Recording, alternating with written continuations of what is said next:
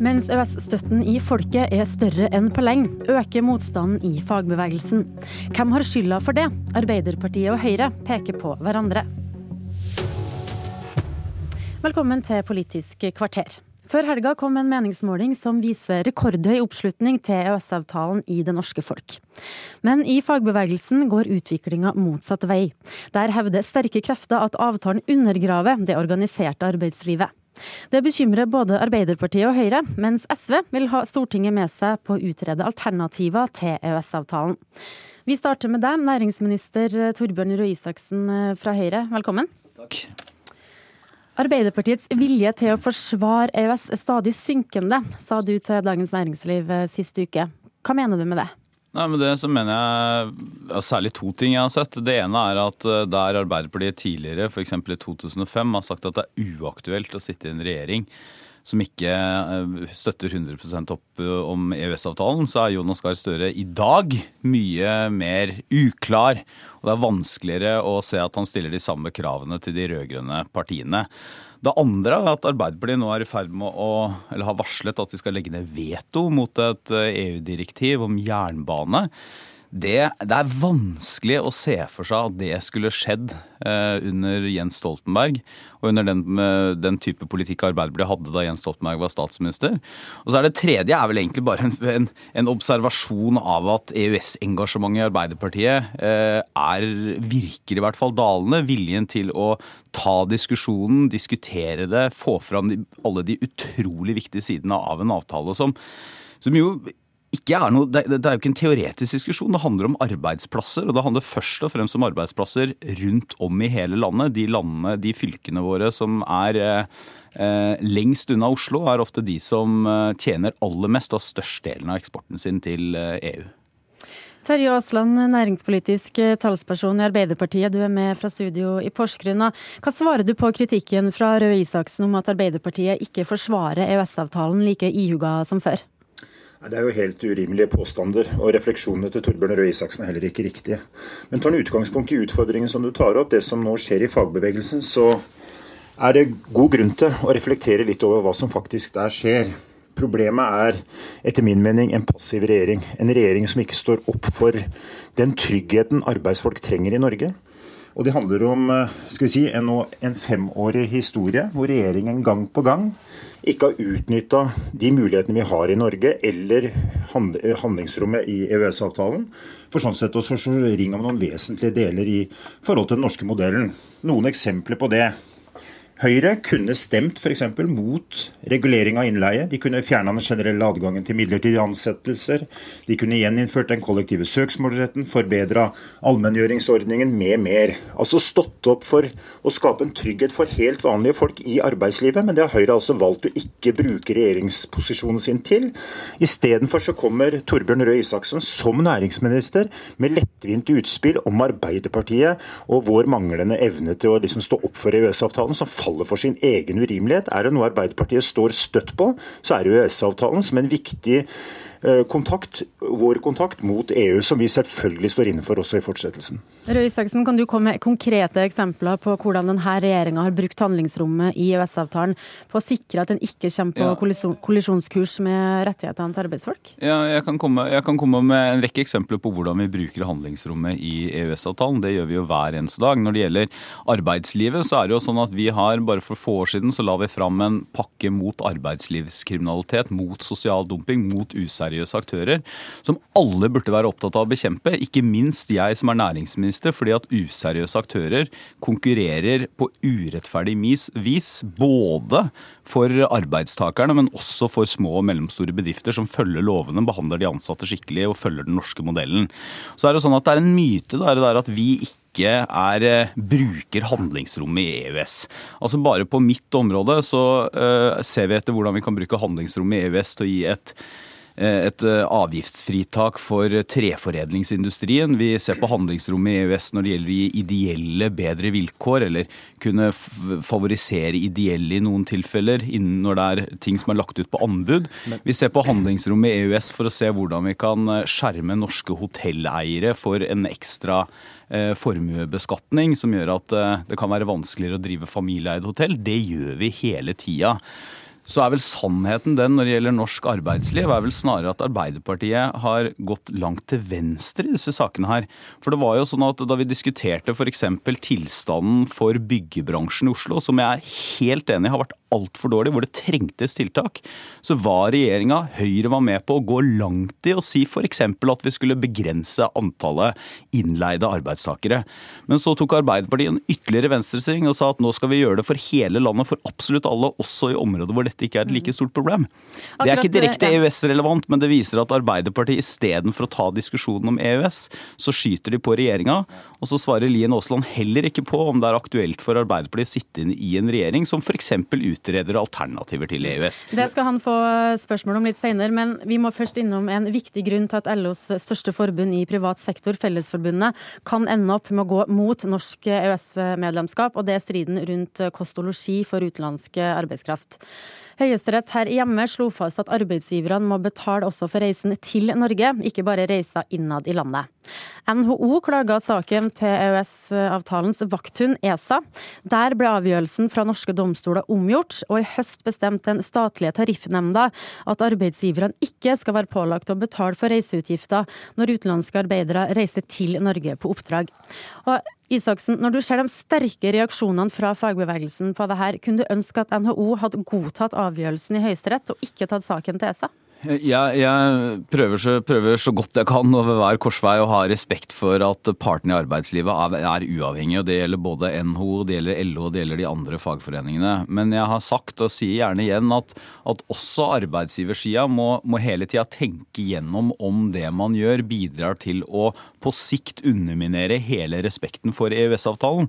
Så Det er en viktig diskusjon å ta. Det er viktig å, å tenke over det før man, før man gjør bestemte ting. Når det er sagt, så er jo den diskusjonen her langt mer eh, komplisert. Men det er jo en riktig, riktig beskrivelse du har, nemlig at i norsk høyesterett så var dette avgjort. Og så var det da ESA som mente at her måtte man gjøre om på ordninga, noe også Tariffnemnda nå har gjort. Kan regjeringa gjøre noe for å reversere det? Nei, altså sannsynligvis så på akkurat dette spørsmålet så kan vi ikke gjøre noe for å reversere det, men vi kan gjøre veldig mye for å bekjempe eh, urettferdig sosial dumping i arbeidslivet som rammer både arbeidstakere og små og mellomstore bedrifter. Vi kan gjøre mye for å sikre at f.eks.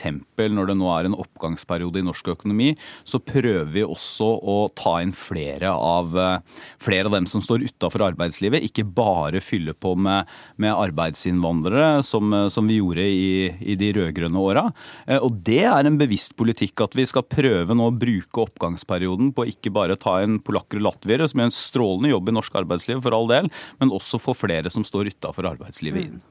Kirsti Bergstø, nestleder i SV. Hva mener du denne saken rundt kost og losji viser om norsk forhold til EØS? Den viser at EØS-avtalen truer Eh, kampen, eh, mot, eh, kampen for et samfunn med, med mindre forskjeller. Og at EØS-avtalen er med på å undergrave et godt og seriøst arbeidsliv. Og Det ser vi gjennom at tariffavtaler settes til side, at fremforhandla, fremkjempa rettigheter settes vekk, strykes.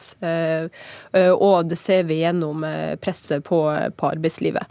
Og det er veldig forståelig at det er sterke reaksjoner i, Fellesforbundet nå. og vi ser at det er eh, mange forbund eh, som har eh, i LO og mange organiserte arbeidsfolk som har det synet på EØS, at hvis ikke man klarer å beholde et godt arbeidsliv med avtalen, ja, så er det avtalen og ikke et godt arbeidsliv som må vike.